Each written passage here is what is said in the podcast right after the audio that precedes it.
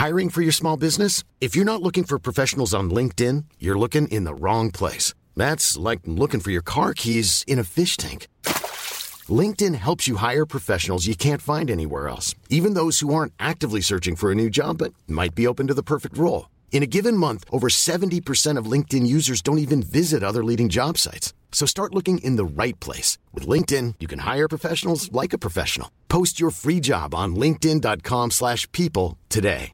Hey, it's Ryan Reynolds, and I'm here with Keith, co-star of my upcoming film, If, only in theaters May 17th. Do you want to tell people the big news?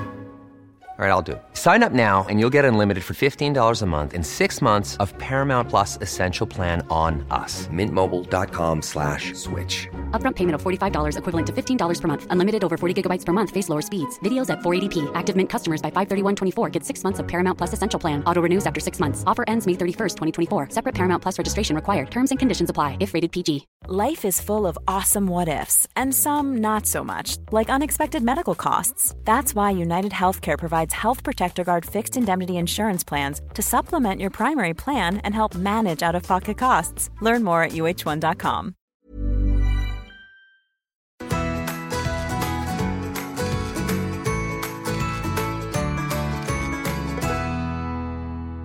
Hei og velkommen til episode 17 av Åpen journal.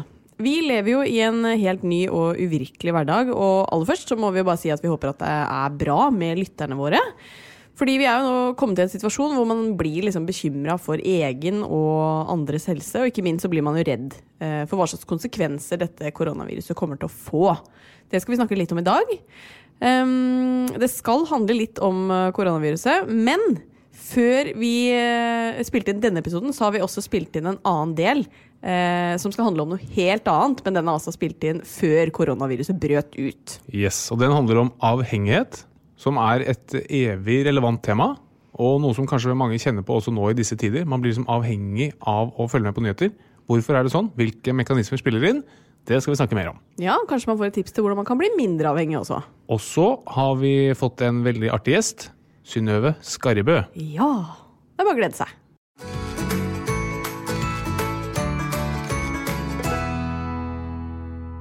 Vi to er jo endelig ute av karantene, Harald. Eh, Det er jo noe som veldig mange har havna i. Og det skal jo sies at vi har vært helt friske, men vi var på en liten utenlandsreise til Danmark før eh, dette brøt ut. Hvordan syns du det var å være i karantene? Det som er litt overraskende, er at mange sier at det kommer til å bli en babyboom av eh, disse karantenetider. Akkurat det er ikke noen sånn stor fare for, eh, føler jeg. Ok, nå ble du veldig personlig. Nei, men det er blitt eh, nå sånn at eh, når du kommer inn på soverommet iført sexy undertøy, så er det bare fordi det er tomt for annet undertøy. Alt annet ligger vask. Og nå er det blitt sånn, nå spør jeg ikke engang. Du kommer inn og sier sånn Å, er det tomt for rent uh, undertøy, da? Akkurat det tar jeg selvkritikk på, men uh, jeg, ja, hva skal man si? Det er viktigere ting om dagen enn uh, enn å vaske undertøy. Nei, men jeg, har jo fortsatt, jeg bruker jo fortsatt da rent undertøy, det er bare at det er sexy, så da må jeg bare beklage det.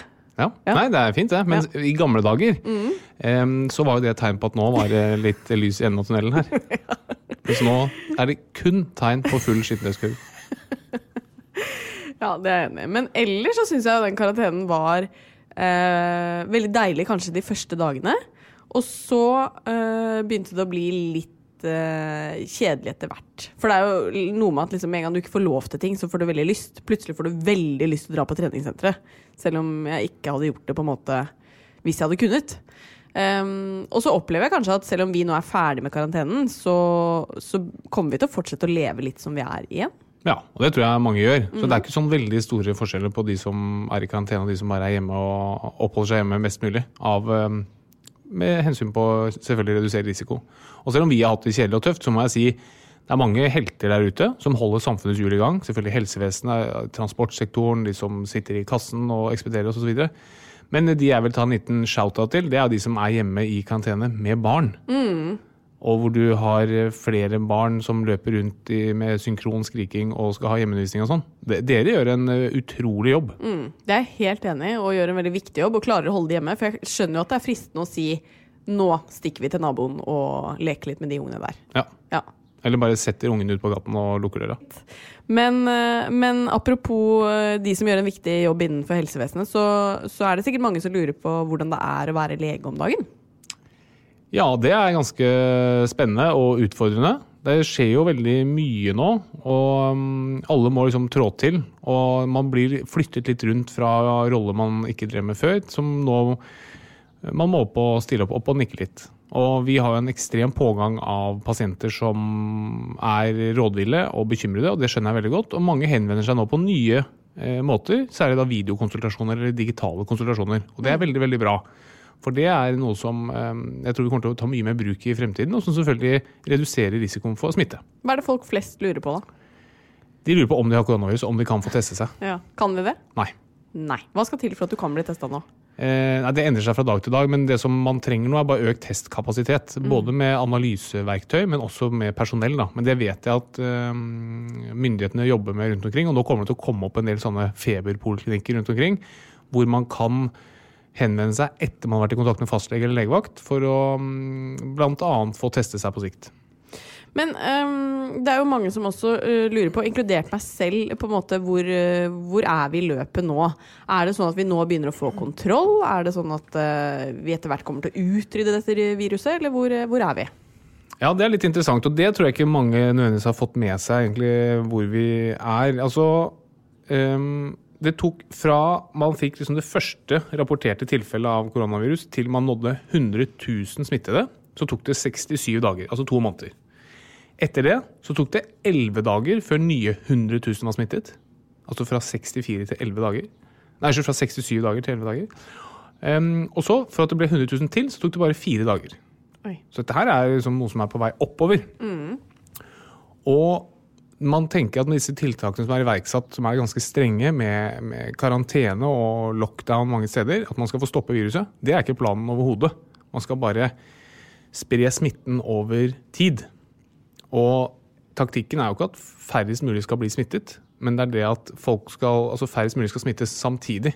Altså du og jeg kommer til å bli smittet, mener du? Eh, ja, eller altså man anslår at eh, sånn ca. halvparten av befolkningen kommer til å bli smittet. Og man bare sier at man vil ikke at alle skal smittes med en gang. Hvis man ikke hadde satt inn disse tiltakene, så hadde alle blitt smittet veldig veldig fort. Og hadde, hele helsevesenet hadde knelet.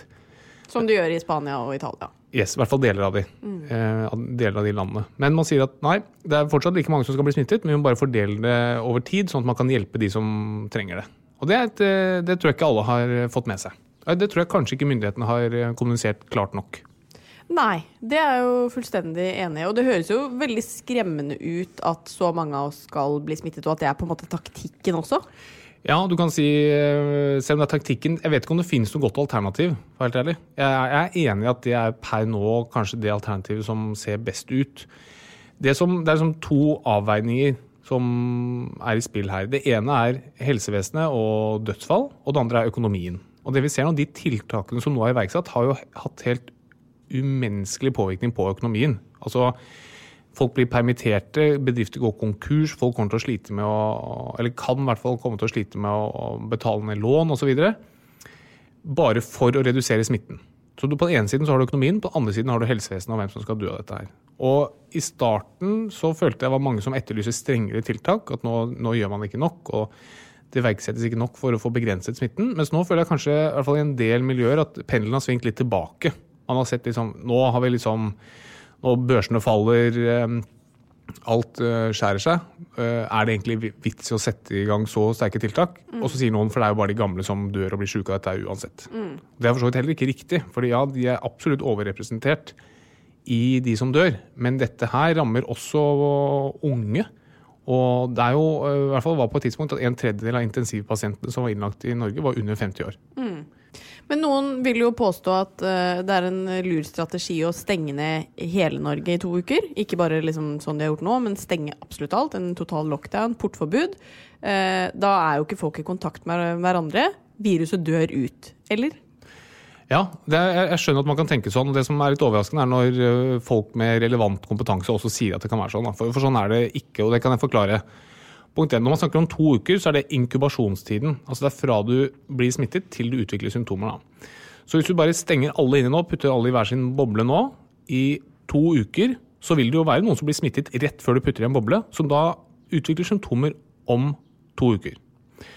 Så, du, så du må jo ha de da isolert også fra om to uker til de er ferdig med sykdommen. De kan heller ikke møte noen andre da, For da smitter de jo, sender de jo smitten videre. Men det kan man i teorien også gjøre. Absolutt. Så si at, uh, si at du tar tre uker da, fra du blir syk til du blir helt frisk. Så da kunne du sagt ok, man isolerer alle i fem uker. da. To uker pluss tre uker. Helt ferdig isolert. Det kunne man absolutt gjort på et teoretisk um, nivå.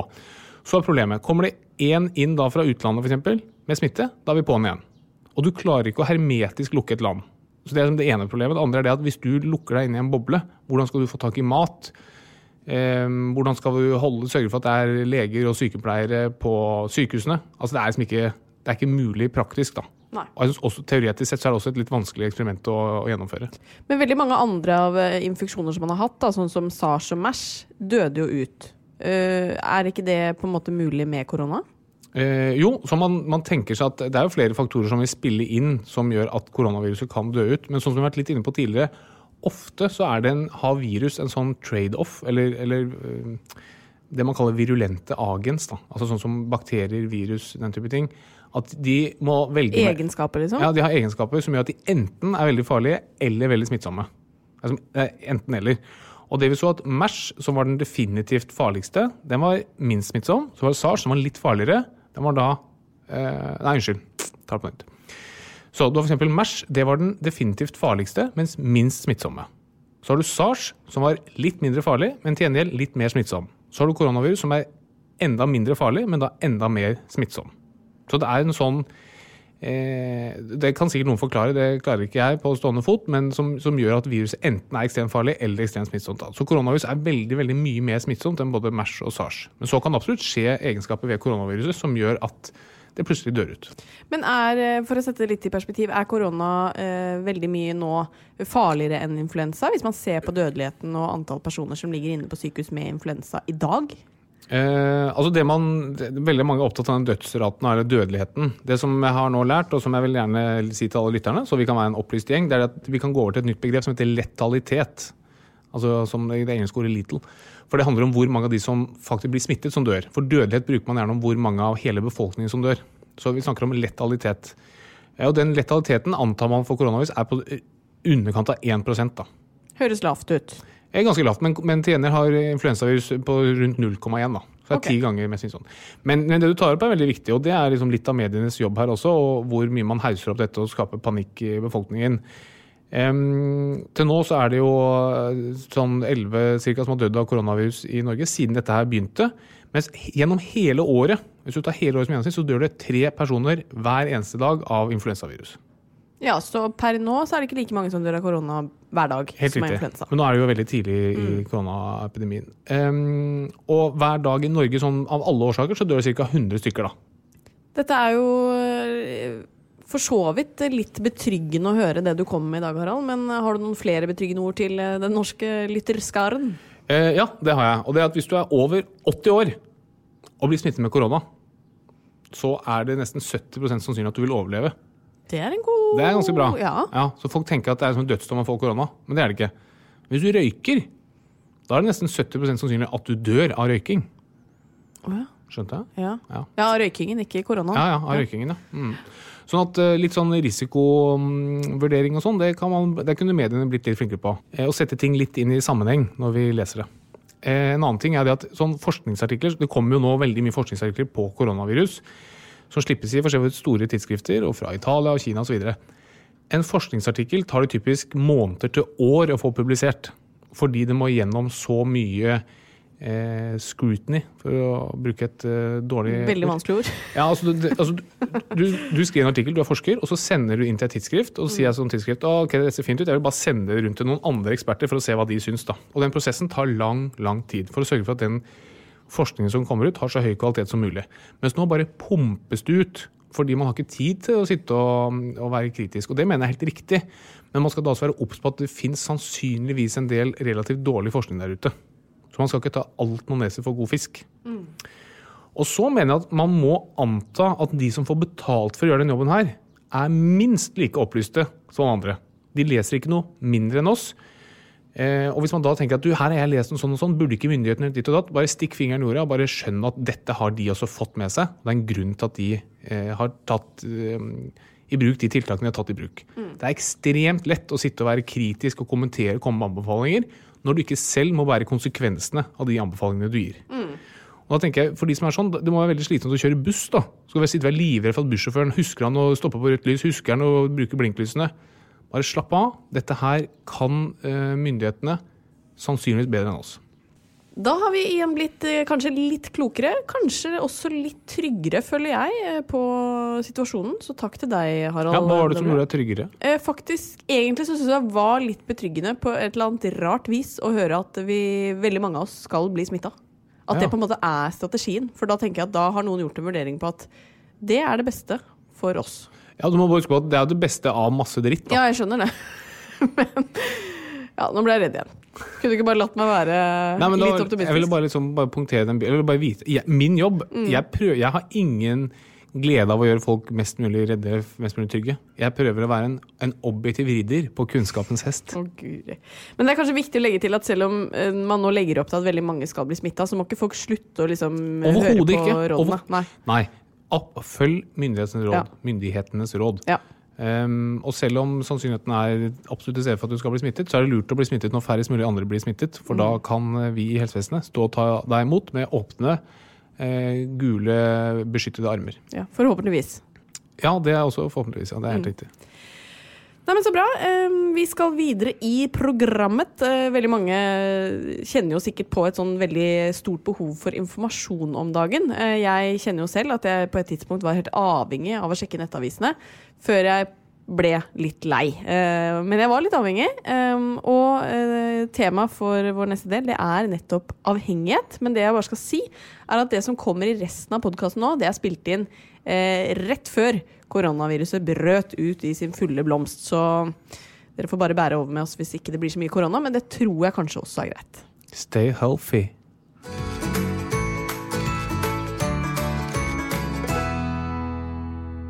Noen klarer seg ikke uten mobilen, noen må ha snus, noen er arbeidsnarkomane, mens andre er helt avhengig av sex. Og noen har en sterk trang til å spille om penger.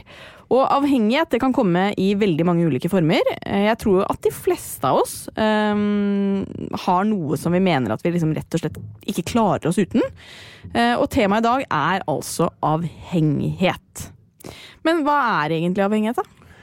Altså, avhengighet det er hjernens egentlig kortsiktige måte å sørge for at man enten øker behag eller fjerner ubehag. Så det er jo Det handler om evnen til å ikke klare seg uten noe. Enten at det er reelt eller opplevd. Så vi mennesker vi trenger jo søvn og luft og mat og vann for å overleve. Det er vi avhengig av. Og hva skjer hvis du fjerner tilgangen til noen av disse tingene? Da får du ganske mange psykiske og kroppslige fenomener, og til slutt så blir man desperat. Altså Se for deg at du ikke fikk puste. Det fører til en del ubehag. Men så er det en del ting som man føler seg avhengig av, enten direkte eller indirekte, og kroppen klarer ikke tydelig å skille mellom ting som man må ha for å overleve, og ting som man tror man må ha for å overleve. For hjernen vår er laget med et sånt belønningssystem som er laget på en måte som gjør at man skal sikre, altså hjernen skal sikre at du gjør ting som er bra for deg. Og En viktig del av dette belønningssystemet det er dopamin. Det er et stoff i hjernen som vi bruker til å belønne oss eh, selv, eller hjernen bruker til å belønne seg selv når den gjør atferd som den tror er bra. Så f.eks. et, et spedbarn som er født, det må du passe på at det suger masse pupp, får masse melk. Og det du kan gjøre da, er å sørge for at når spedbarnet suger melk, så frigjør det masse dopamin i hjernen. Og da skjønner hjernen at aha, dette er bra for meg, jeg skal gjøre mer av det, og fokusere mindre på andre ting. Og dette kan man jo bruke eller misbruke, enten ved å gjøre ting som øker dopaminutskillelsen i hjernen, eller så kan du erstatte det med andre stoffer, at du dytter i deg stoffer som også øker dopaminfrigjørelsen i hjernen, eller øker andre stoffer som virker som dopamin. da. Ok, Og det er f.eks. det nikotinen gjør, da, eller? Eksempel at du rett og slett tilfører substanser utenfra som, som virker på de samme områdene. Altså mm, det kan være nikotin eller heroin eller alkohol, eh, den type ting. Mm. Men hvorfor blir man f.eks. avhengig av mobilen eller av shopping? Så disse stoffene kan også virke på andre ting enn det dopamin gjør, men, men som skaper en sånn følelse av behag. Da. Når du sitter på mobilen, eller du er ute og shopper, eller du ser på pornografi, eller du har sex, da tilfører du ikke noen stoffer utenfra og inn i hodet, men du sørger for at hodet selv øker dopaminfrigjøringen. Og det er jo hjernen veldig, veldig glad i. Og så hver gang du sjekker Instagram, så frigjør du litt dopamin i hjernen. Så det betyr at når du legger bort mobiltelefonen, da synker dopaminnivået. da. Og da får du en abstinenstilstand, kan du si.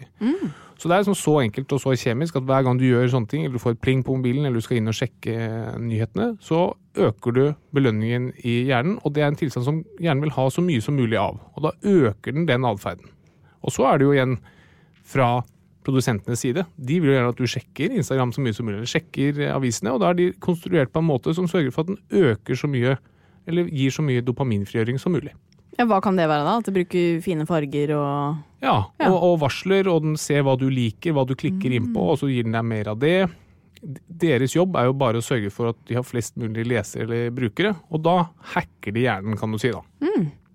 Men øh, også Avhengighet brukes jo gjerne liksom øh, om noe man ikke klarer seg uten. Du sier f.eks. at du tror at du er avhengig av mobilen. Men hva skal egentlig til da, for at man får liksom diagnosen avhengighet? Ja, altså øh, WHO, Verdens helseorganisasjon, har som seks kriterier som man bruker for å se om du er avhengig. Og det brukes egentlig om rusmidler, men du kan bruke det om andre ting også. F.eks. ting som vi har snakket om som mobilbruk. da. Og disse seks kriteriene de skal jeg lese opp straks, men for å møte diagnosen avhengighet, så må du ha minst tre av kriteriene. Så de seks kriteriene det er du må ha sterk lyst eller trang til å innta stoffet eller gjøre handlingen. Du må ha problemer med å kontrollere mengden eller bruken. Du må ha en fysiologisk abstinenstilstand hvis man reduserer inntak av stoffet eller bruk. Eller at man bruker andre midler eller handlinger for å redusere abstinenssymptomene. Det var nummer tre. Nummer fire at du har en toleranseutvikling. Altså du må ha større doser for å gi samme effekt. Nummer fem du må ha økende likegyldighet i forhold til andre gleder og interesser. Og at det er mer og mer tid som brukes på eh, å innta stoffet eller gjøre handlingen. Og det siste at man fortsetter med handlingen eller eh, bruken av stoffet til tross for tegn på skader. Og hvis du tenker på det som et stoff som alkohol, så er det veldig lett å se for seg. Men, men hvis man erstatter det med mobilbruk f.eks., så tror jeg veldig, veldig mange treffer ganske mange av disse kriteriene. da. Og så kan du si ja, hva med denne fysiologiske abstinenstilstanden? For alkohol er det veldig åpenbart, som vi har snakket om i tidligere podkast, med, med fylleangst og den type ting, hvor rett og slett kroppen er vant til å få veldig mye av et stoff. Og når du fjerner det, så, så kommer kroppen veldig i ubalanse, fordi den har vent seg til å ha dette stoffet. Men se for deg nå at jeg hadde tatt mobilen din og så låst den inn i et eh, skap et, et døgn. Det hadde nok skapt en del uro hos deg også. Men eh, ja, og jeg tror det er veldig mange som nå sitter og tenker sånn Oi, jeg sjekker jo av på hvert fall minst tre av disse kriteriene for eh, flere ting i livet. Men når blir liksom avhengighet en sykdom, da? Det går jo litt på hvor Altså hva, hva er kostnaden ved dette her? Hva er, det du, eh, hva er det det går på bekostning av? Som en sånn tommelfingerregel så kan man si at hvis det er noe som gjøres på feil tid, eh, på feil sted eller i feil mengder, da er det en sykdom. Og at du sitter mye på mobilen når du er på bussen, eller sånn, det spiller ingen rolle da. Men si at du sitter veldig mye på mobilen når du er i møter, eller du har en trang til å sjekke nyhetene som det siste du gjør før du legger deg, som kanskje gjør at du da sover dårligere, eller første gjør når du våkner. Du neglisjerer barnet ditt fordi du heller sitter på Instagram f.eks. Da kan man begynne å tenke at ok, her er det såpass store konsekvenser knyttet til den mobilbruken at man kan tenke seg å kalle det en avhengighet. Og mobil er jo én ting. Hva, hva annet er det vi blir avhengig av? Så de åpenbare tingene er jo alkohol og røyk og snus og heroin osv. Men, men eh, av, av ting som man gjør som øker egen produksjon i hjernen, altså hvor du ikke dytter noe stoff inn i hjernen, det er jo gjerne mobilbruk. Arbeid, altså folk som er det man kaller arbeidsnarkomane. Trening, bruk av internett, um, sexavhengighet er en, eh, noe som ganske mange er affisert av. Å se på pornografi, shopping osv. Men hvem er det som blir avhengig, da? Um, vi blir alle sannsynligvis avhengig av, eh, av et eller annet, men det er ganske mange faktorer som, som spiller inn. Eh, det, vi har ulik sårbarhet for å bli avhengig. Hvis du, altså tidligere traumer Hvis du tenker på rusmidler først, da, med, med heroin og røyk, så har, vet vi at eh, psykisk sykdom, en, altså psykiatrisk sykdom, har en veldig eh, overrepresentasjon hos avhengige. Eh, traumer i barne- og ungdomsår.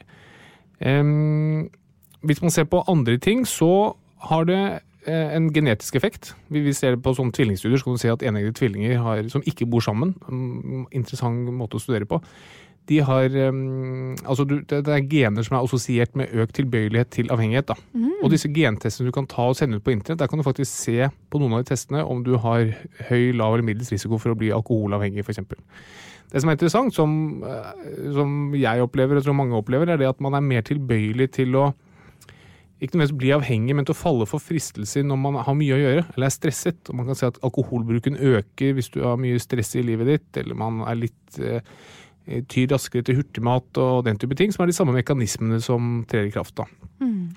De fleste vil jo synes det er behagelig å drikke alkohol, men man drikker ikke hver eneste dag. de fleste av oss, Fordi du har mekanismer som klarer å stoppe, den, eh, stoppe det ønsket om å drikke fra å faktisk ende opp i atferd med at du drikker. Men jo mer du har å gjøre, jo mer andre ting du har å tenke på, og som hjernen må holde i sjakk, jo vanskeligere kan det være å motstå den fristelsen. Mm. Men um, altså, du var litt inne på dette med tvillingstudier, og det er jo fascinerende. Fordi noen sier jo liksom at det er helt umulig å slutte med snus, eller det er helt umulig å slutte å spille på spilleautomater. Mens andre kan liksom slutte på dagen selv om de er avhengig. Er det liksom genetiske forskjeller på hvor lett det er å slutte med noe man er avhengig av? Ja, det er det absolutt. Men det er aldri sånn at det er ett gen som gjør at enten det er mulig eller helt umulig. Så det er veldig mange faktorer som uh, spiller inn. Uh, så man kan ikke si at nei, du skjønner jeg er genetisk anlagt på et vis som gjør at uh, jeg aldri klarer å slutte med det, men, men, det vil spille inn da. Men det vil igjen være mange andre faktorer som, som spiller inn. Har du et, et, godt nettverk du kan spille på, har du behandlere som kan hjelpe til?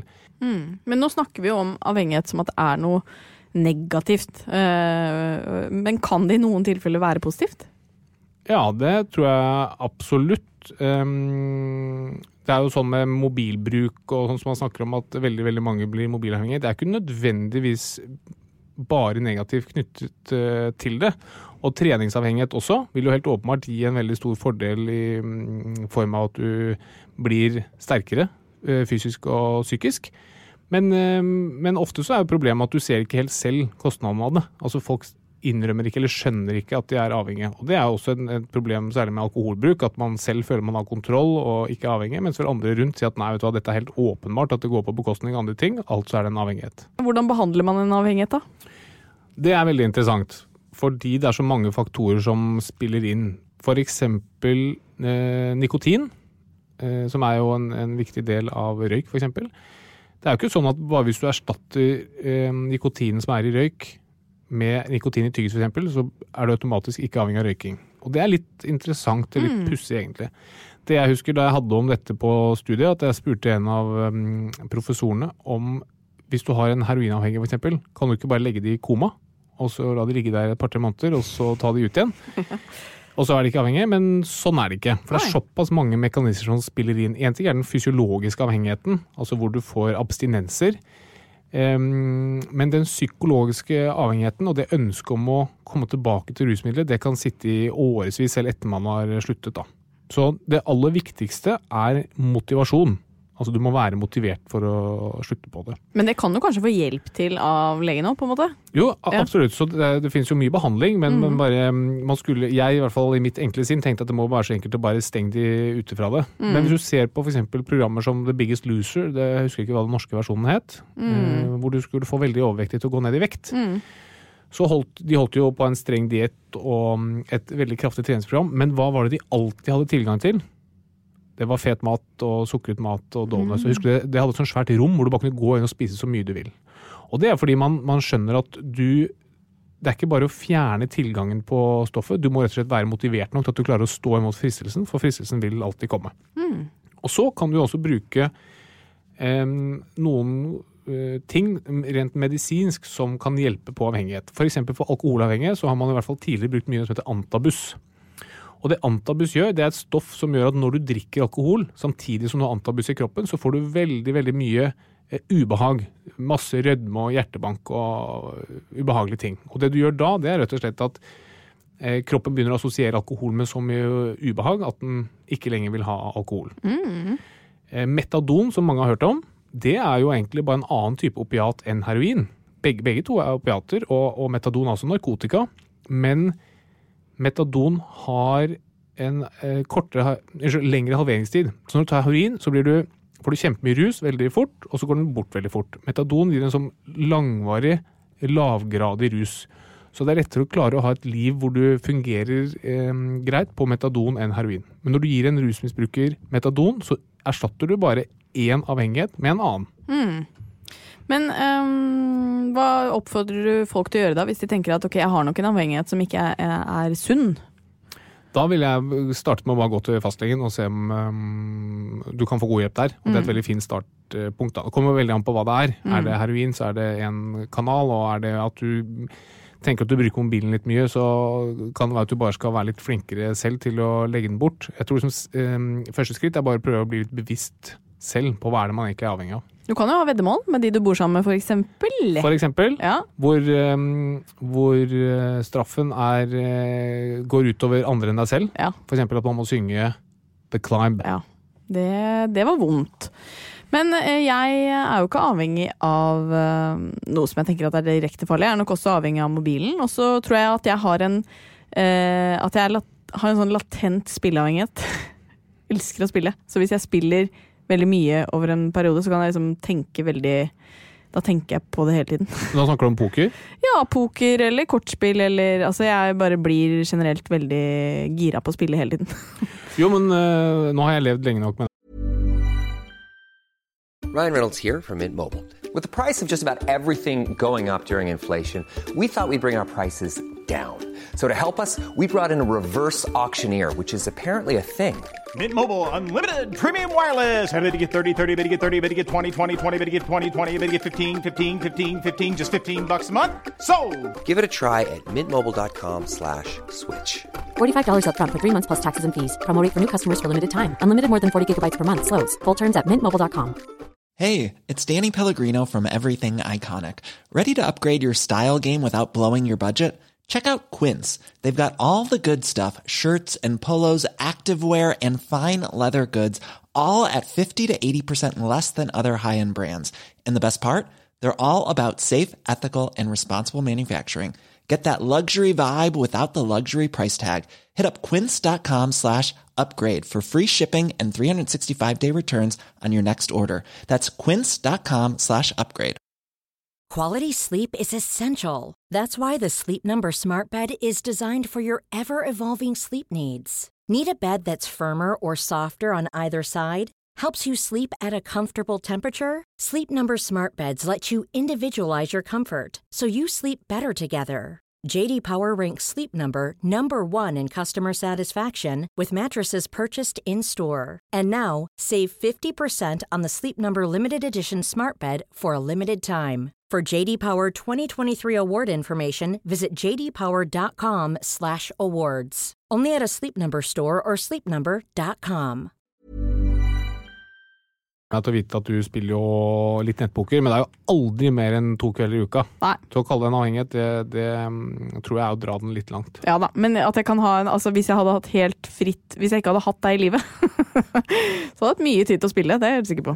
Det tror jeg nok. Og jeg, jeg tror også mobilavhengig, det, er- det vet jeg at du er. Ja. I ligget så.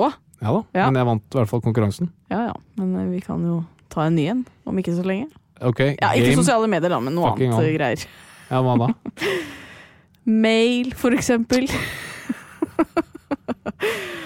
Nei, vi får se. Men uh, jeg tror vi alle har en uh, god grunn til å gå i oss selv og tenke at uh, hva er det vi egentlig er avhengig av? For det er jo det er litt sånn ubehagelig å kjenne på. At man er så avhengig av den, avhengig av den lille dingsen. Ja. Mm.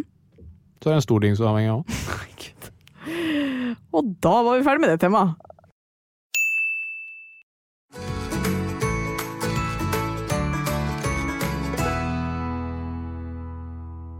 Hun er programleder, forfatter og podkaster. Hjertelig velkommen, Synnøve Skarbø.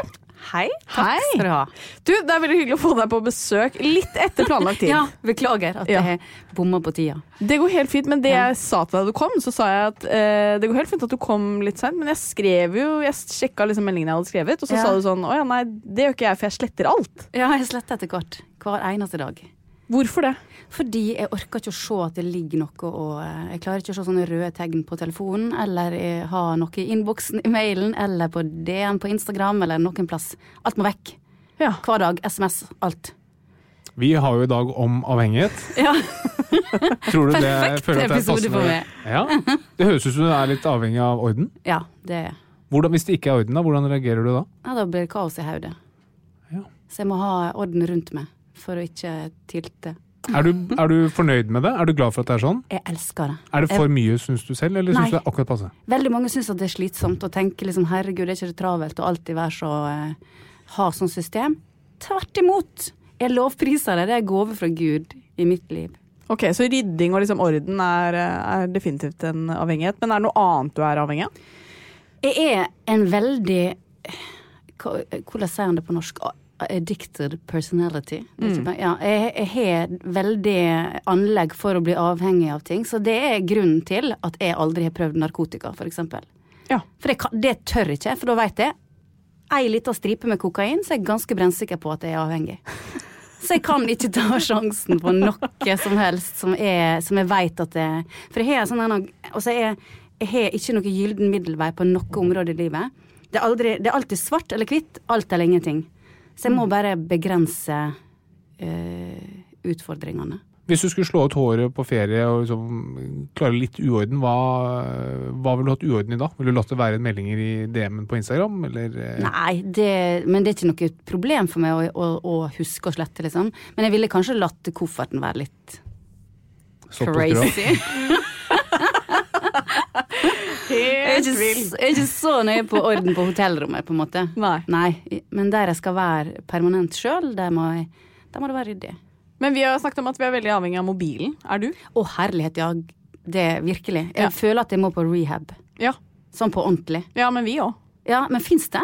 Uh, ja, det fins jo sånne retreats, da. Men det er vel bare mobilfrie, liksom. Ja, men det er sånn stille retreat der du Ja. skal være Ja.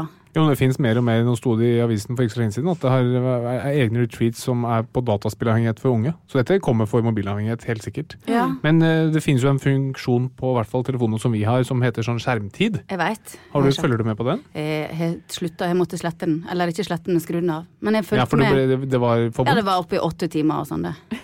Ja. Men Synnøve, vi gikk eh, rett inn i avhengighet eh, her mm. når du kom. Vi må liksom høre hvordan eh, livet er om dagen. ja, livet er bra. Ja, Takk. Det er, ja, skal vi si terningkast fire til fem? det er ikke dårlig. Nei? Nei, vi har fått eh, jeg tror det er to gjester som har gitt eh, terningkast her hos oss. Og Siri Kristiansen ga fire. Du Ja. gir fire til fem. Ja. Det er jo ganske bra. Ja, det er oppadgående. Men uh, jeg vet at du ikke er så veldig glad i å liksom prate om deg selv. Altså Du er veldig glad i å spørre ut andre. Hvordan er det liksom å komme hit og skulle bli intervjua? Eh, jeg har tenkt å utnytte dette her til å stille masse spørsmål som jeg lurer på, både om sykdom og om dere to, og hvordan er det å være gift, og i det hele tatt, jeg har masse på hjertet. Ja, men hvorfor, er du liksom, hvorfor blir du ubekvem av å liksom snakke om deg selv? Nei, det bare føles litt sånn Og det er litt rart at jeg sier det, for jeg har en podkast der jeg ikke gjør noe annet enn å sitte og snakke om meg sjøl. Det føles litt sånn kleint å være litt sånn sjølopptatt. Men jeg er nå det, da, på sett og vis. Men jeg syns det er mer interessant å, å eh, få, få noe informasjon ut av andre. Ja. Og det må jeg si at du har vært veldig god på i den siste jobben din med Drømmeprinsen mm. og Jan Thomas.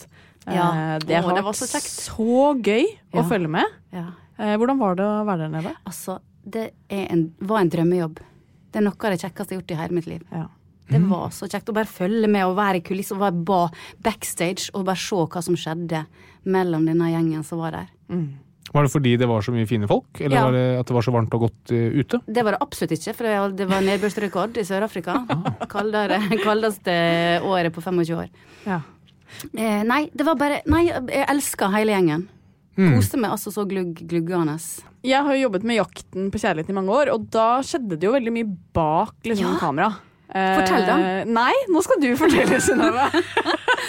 Ja, det skjedde noe mye bak kamera her også. ja. Men det vi eh, på forhånd tenkte mest på, var at eh, ja, men tenk hvis noen inn, finner hverandre innad i huset. Tenk Ja. hvis det blir den mølja baki der. Men var det ikke det, da? Nei, Ingenting? ingenting, så vidt meg bekjent. For det var jo, er jo et paradoks. altså I den, i den liksom klassiske bachelor bachelorette så har, så har jo alle frierne det er jo ingen interesse av hverandre. Mens her har jo i hvert fall sånn legningsmessig alle Ja, interesser av alle.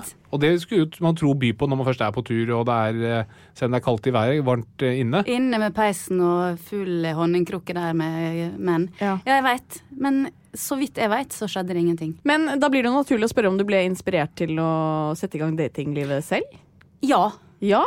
det ble jeg faktisk. Vil du da date homofile menn, eller? eh, Fortrinnsvis heterofile. Fortrinsvis. ja, men hvorfor ble du inspirert, da? Nei, det var altså Hele denne måneden vi var der, var bare omgitt av Du vet, du noe, kjenner nå Jan, du vet når han snakker, han snakker om love is love hele tida. Ja. Og det ble jeg faktisk litt påvirka av. Ja.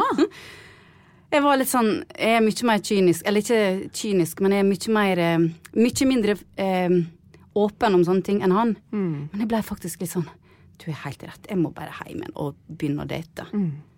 Nå må det skje. Mm. Ja, har du gjort det? Jeg, ingen kommentar. Det får du høre på min, min podkast. ja, men du deler ikke så veldig mye av det tingene der. Nei, men da må du høre litt framover. Nei da. Men um, um, Gud, nå datt jeg ut.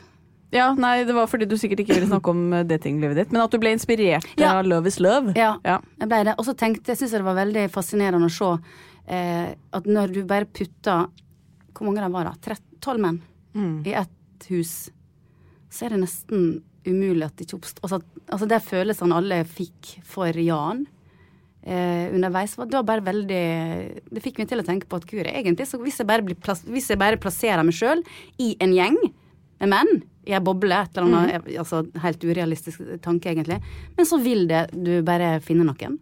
Ja, men for det naturlige vil jo kanskje være at du lager en sesong to, tenker jeg. Ja. Kunne du vært bachelorette? Nei. Nei. Jeg kunne nok ikke det. Ja. Nei, så det blir ikke noe deg på TV Norge neste Nei, jeg tror ikke det. Nei. Hvorfor ikke det? Hvorfor Nei, for blir, det er nå det at jeg har noe som jeg sa, at når Jan snakker om kjærlighet, så jeg bruker han store ord, og det er masse patos der. Jeg, jeg klarer ikke å gjøre det uten å skjems. Men eh, tror du ikke man bare må, det er noe man bare må overkomme? Ja, jeg hadde bare tenkt altså? sånn Søren, dette her skal Sagen-brødrene se. Nei. Eller Thomas Seltzer, eller Skjønner du? Skjønner og da klarer jeg ikke å være sånn eh, hadde ikke, Jeg hadde ikke klart å gitt meg helt hen, tror jeg. Tror jeg, da. Mm. Hvem veit? Du skal slippe å bare snakke om eh, forelskelse. Um, du er jo invitert til denne legepodkasten. Ja. Eh, hva slags forhold har du til det å gå til legen? Elsker det. Elsker det. Ja, det har ikke noe, har ikke noe legeskrekk. Tvert imot er det et eller annet som jeg syns Oi, nå er det, er det noe feil her. Så sjekker jeg det med en eneste gang. Ja. Ja, bare, men mest av alt for å få stryke det av denne lista ja. som jeg har på telefonen, som jeg også vil skal bli tom. Er det en liste over symptomer og plager? Ja, eller en liste over ting jeg skal få gjort. Ja, men, ikke, som, ikke, ikke som handler om sykdom og kroppen nødvendigvis? Nei, det er ikke, ikke egen listen. kroppsliste, nei. Men, eh, nei. men hvis det er et eller annet, hvis jeg har hatt vondt i en fot da, for eksempel i to måneder, så Ja. tar jeg affære. Så står det på lista. Ja. Så um, kjøp brød, betal Ja. strømregning, sjekk smerter i fot, ja. Mm. se på føflekk. Men har du mye ondter og vondter, liksom? Nei. Nei. Men jeg sjekka, sjekka hele kroppen med ultralyd en gang i året. Gjør du det, ja? Du er en av de. Ja, er det Å, jeg kan Å! Oh, Oh. Ja, ok, fortell. ikke bra, ikke bra. Hvorfor det? Det er um, Falsk trygghet? Uh, ja, det er egentlig det der. Rent medisin så er det, det er veldig dårlig medisin, da. Og så Det finnes mange andre argumenter. Man kan si at det gir en trygghet for deg, som gir deg økt livskvalitet. Og det er en teoretisk sjanse for at du oppdager noe tidlig som Ja. kan fjernes, og Ja. dermed Det er absolutt til stede. Ja. Men vi vet at det, det er ikke, totalt sett er det ikke bra. Det skaper mer uhelse enn helse. Hvorfor det? Grunnen til det er fordi at eh, det er mange kriterier som må møtes for at det faktisk skal lønne seg da, å gjøre det. Fordi Hvis du for tar ultralyd av eh, en eh, skjoldbruskkjertel din, for, eksempel, for at det skal være vits å ta den ultralyden uten symptomer, så må du oppdage et eller annet der som faktisk er farlig, og som du faktisk blir frisk av ved å fjerne det før det gir symptomer. Er du med på den? Ja. For hvis du finner noe der som ikke er farlig, em, men det vet du ikke før du har fjernet det, så går du gjennom en hel haug med operasjoner og stress og dritt og lort, fordi i den perioden fra vi har oppdaget det til vi har fjernet og sett at det ikke er farlig, er jo selvfølgelig ganske vanskelig å stå i. Men problemet er jo ikke sant, at med en gang du oppdager Si noe i den uh, skjoldbruskkjertelen, da, som uh, står for veldig mange hormoner.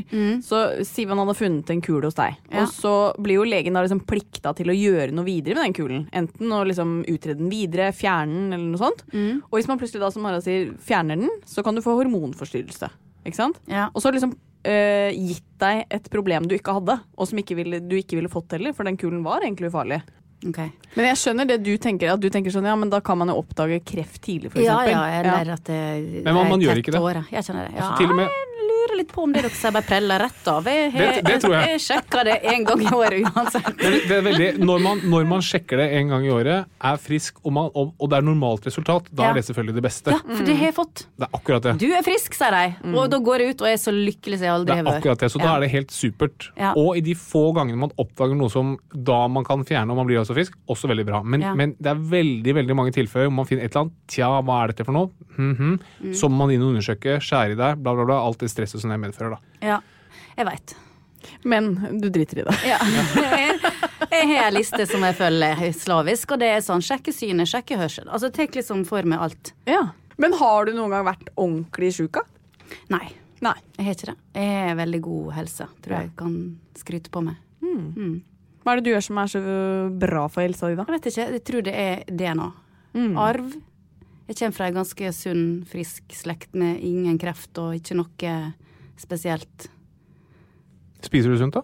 Ja, tidvis. Er noe, som jeg sa i stad, alt eller ingenting. Det er enten brokkoli eller eh, kake, på en måte. Ja. Ja. Ja, men I perioder eller på, per måltid? I perioder.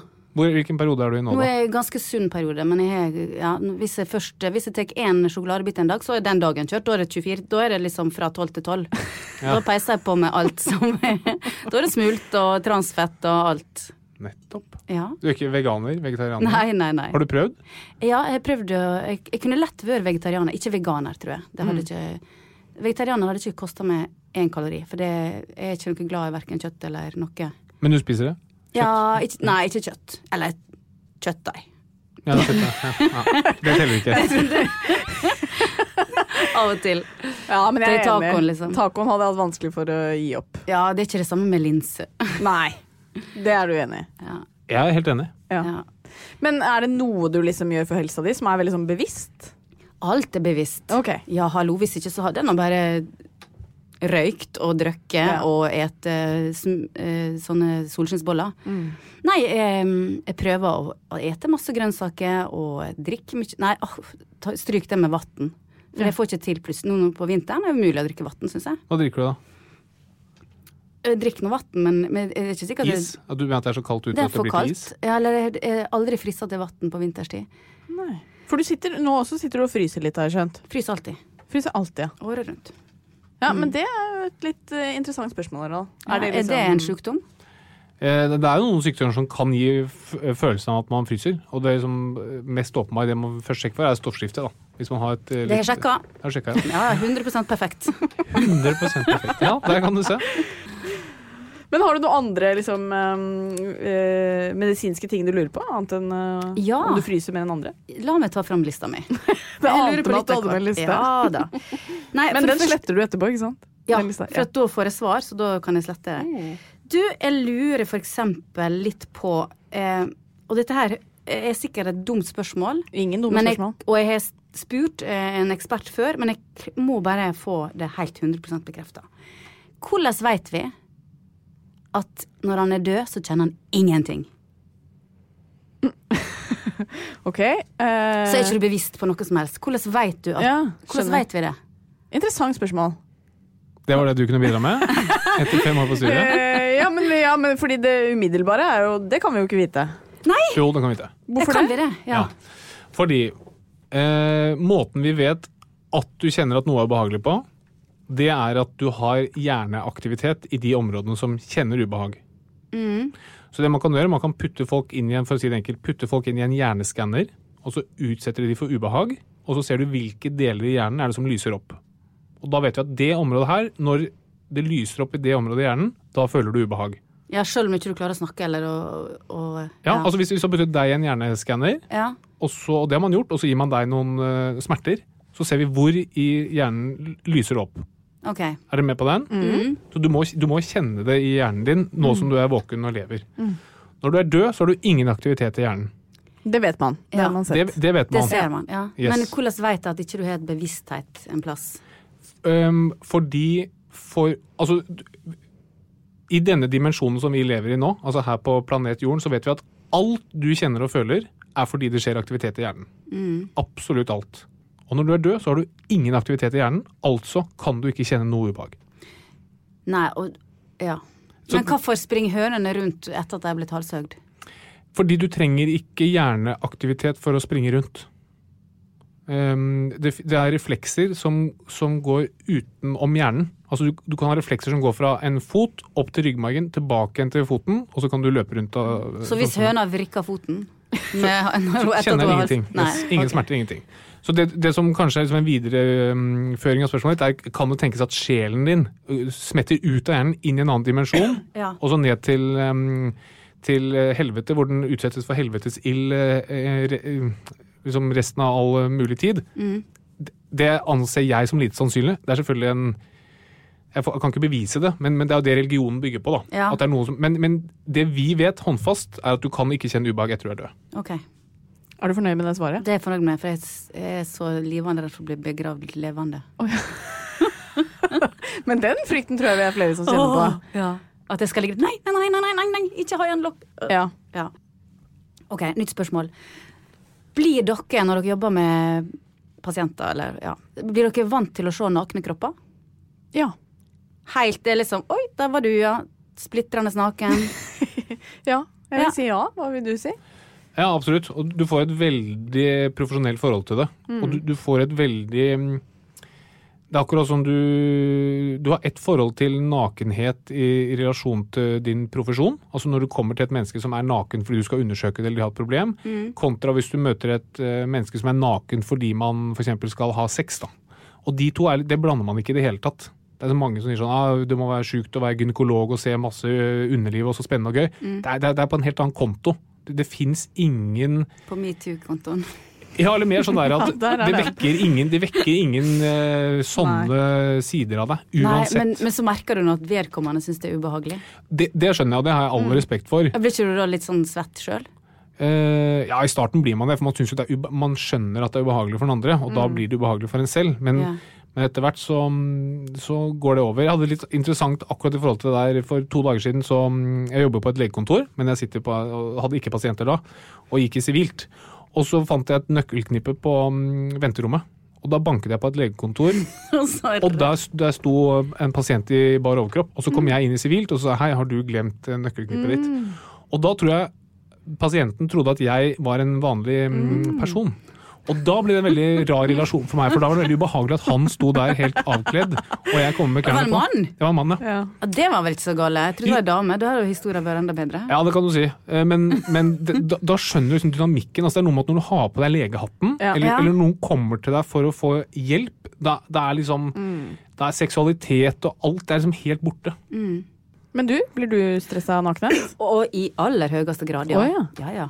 Men, men når du opplever nakenhet, så er det vel stort sett for det er noe eh, moro i andre enden? Nei, men jeg tenker, Nå snakker han f.eks. På, eh, altså, på et sånn spa, eller i alle sånne sammenhenger. Syns det er kjempeubehagelig å kle av seg. Men det å, å for eksempel dusje sammen med andre damer i en garderobe, da? Nei, jeg gjør ikke. Det gjør du ikke, nei. Nei, hva slags garderobe skulle det være? Jeg Nei, Får altså- hjem og dusje? Men på et treningssenter kunne det vært, da. Ja, nei, det har ikke skjedd på 20 år. Men, men den type nakenhet syns jeg er behagelig. For, for da blir det noe Behagelig annet. eller ubehagelig? Nei, ubehagelig. Ja, Sånn å, som ja, du vært syns på, ja. ja, Hvis du Ja. er på et, et spa for eksempel, og folk går nakne rundt, Ja. da er jeg ikke lege. Da er jeg uh... Får du lyst til å rope ut 'jeg er lege', altså, så bare slapp av. Den får ta en titt. Men okay. da har eh, du fått svar på litt. Ja. Nå er det jo eh, tid for at eh, Harald skal quize oss oh, ja, ja, litt, da. ja, det. Eh, så nå får du ta på deg legehatten, Synnøve. Ja. Og, nå skal du stille ordentlige spørsmål. Dette er, Ja, det er varierende grad av Ja. seriøsitet i den quizen. Vi- Den quizen startet veldig seriøs, og så viste det seg at min kone, som er 83,3 lege, hadde veldig overraskende dårlige forutsetninger til å, eller gode forutsetninger, men dårlige resultater på quizen. Ja, det hadde. Men nå er vi tilbake igjen i den mer seriøse Oi. enden av quiz-skalaen. koselig å si min kone? Det er utrolig hyggelig. Ja. Det føltes veldig tullete i begynnelsen. Ja, men nå har det blitt naturlig. Ja, eh, ja det har jo egentlig det. Og så gjør det lettere å skille mellom konen min og kjæresten min. Og... Ja. Ja, men du Sier du kjæresten min da? Nå? Ikke om Katarina. Nei? Men om alle de andre. Å, nei, men, eh, nei, nå sier jeg kona mi, men eh, Ja. om, om ti år så er det sikkert mye hyggelig å si kjæresten min igjen. For da er liksom Ja, for da, følelsene da har det begynt å nedadgående spiralen, ja. Ja, jeg hadde jo gledet meg veldig til å kalle Harald for mannen min. Ja. Eh, og så første turen vi dro på etter bryllupet, var jo på fjellet. Bare på hytta for å slappe av. Og da gikk vi en felttur. ja. Møtte et uh, ektepar som sa For da var Harald litt borti hugget. Så sa jeg sånn Å, ja, er du på tur alene? Og så hadde jeg gledet meg så mye til øyeblikket. ja. Så jinxa jeg det. For jeg, det jeg klarte å si, er Nei da, jeg er her med en kompis. jeg tror jeg bare hadde liksom bygget opp sånn Now Ja. is my chance til å si mannen min. Men det ble kompisen min. Men gi et lite tips her. Eh, ikke kall han for gubben. Nei, nei, nei, nei, nei, Og du, ikke kall hun for madammen. Nei, nei gud. Og, og konemor er også litt uh, på grensen. Ja, Konemor. Ja. Han er hyggelig òg. syns du det? Madame. Jeg bruker ofte Ja, gubben om andre Ja, men det er så voksen.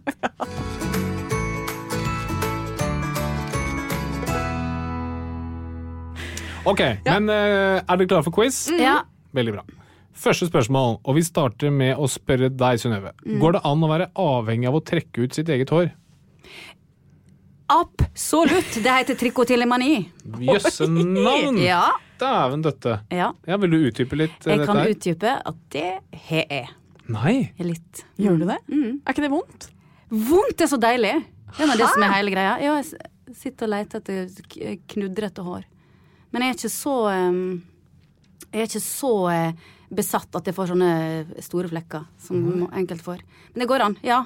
Det var vel Yes. Ja, nei, for dette hadde jeg Jeg ville kanskje trodd at man kunne bli avhengig av, men ikke at, det var, eh, at du hadde navnet på det. Jo, jo. Imponerte meg. Det er helt snev av det. Jøss. Mm. Imponerende. Det er helt riktig. Det er selvfølgelig et poeng til, eh, til uh, trikotilomanikeren. Ja.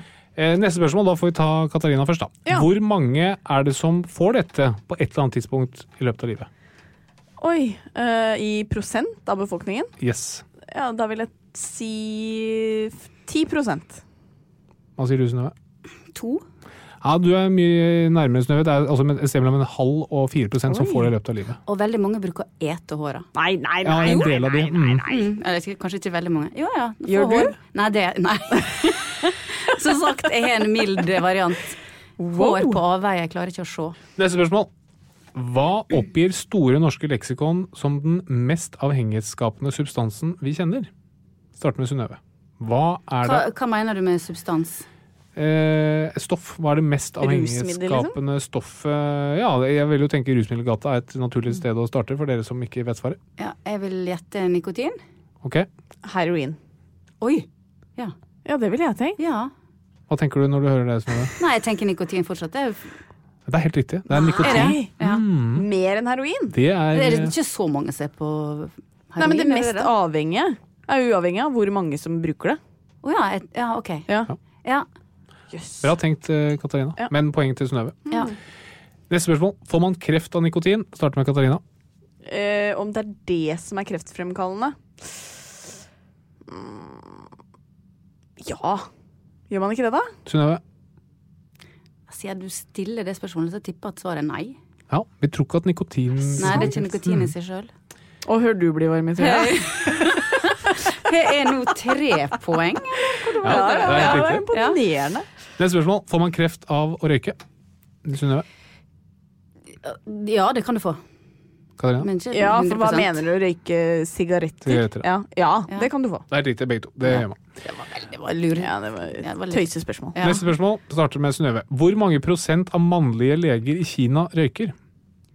36. Katarina? Ja, jeg ville også tenkt mange. Da, da sier jeg 54. Ja, det er riktig, Katarina. 50 Hæ? av Oi! mannlige leger Hvorfor? Hva er det de tenker der borte? Ja, det kan du Ja. lure på. Det kan du Ja, på. De er du på det? andre siden av jorden, så de tenker jo liksom opp ned. da. Kanskje de tenker at Nei, det har vært mye studier rundt det, og mm, jeg husker faktisk ikke hva resultatene sier. Men det er jo det er en kulturell greie, da. Altså Ja. Halvparten av alle menn i Kina røyker. Så det er jo et eh, Også legene, vanskeligere mm, Mm. Også legene. Em, neste spørsmål. Hvilken type legespesialitet er det som røyker mest? Katarina først. Uh, oh, jeg vil jo ikke tenke lungelegene. Nei, skulle vi sagt uh, ikke lunge, ikke hud. Um, ikke barn. Åh, hva gjør de for noe, da? Kan det være øyeleger? Ok, Synnøve. Går tannleger inn i din Nei, de har nå sett mye trasig. Eh, Plastiske kirurger? Oh, ganske bra. Det er kirurgene. er det det, ja? Ja. Veldig bra. For de er mer opptatt av det ytre. Ja, fordi de Men altså, for noen ah, ja, men hva slags kirurger? Det var ikke plastisk, det er ikke silikon? Nei, det, jeg tror ikke de har Gjengen. gått så dypt. Jeg har bare sett de som overordnet. da. okay. Altså, kirurgi, kirurgi, Det er litt rart, for de har noe, noe grafsa inni der. det kan du si, men uh, samtidig, de har jo de, som oftest litt tøffere vakter og jobber lenger og jobber mer, og da kan man jo tenke seg at de trenger et avbrekk oh, ja. i større Ja. grad. Neste spørsmål starter med Katarina. Er det middels populære guttenavnet Sigurd en forkortelse for sigarettur? Nei. Nei. Her skal jeg hente poeng. Ja. Nest siste spørsmål. Hva heter Aviciis dance-låt? Addicted to the flu? Addicted to Lucy Lou? Addicted to you? Addicted to a hole in the shoe? Addicted to the smell of your poo? Gud, var det en av disse? Ja. Husker ingen av dem nå. Nei. Den nummer tre, kanskje?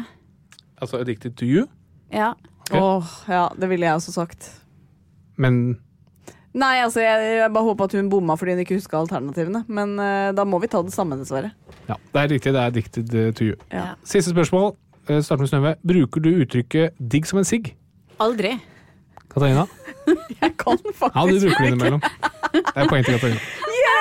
Men jeg tror dagens vinner er Synnøve Skar. Ja, det var rein overkjøring, altså. Det, det var veldig Nå ble jeg Ja, Men jeg syns du Ja. imponerte meg mest med den trikot... Trikotillemani. Ja.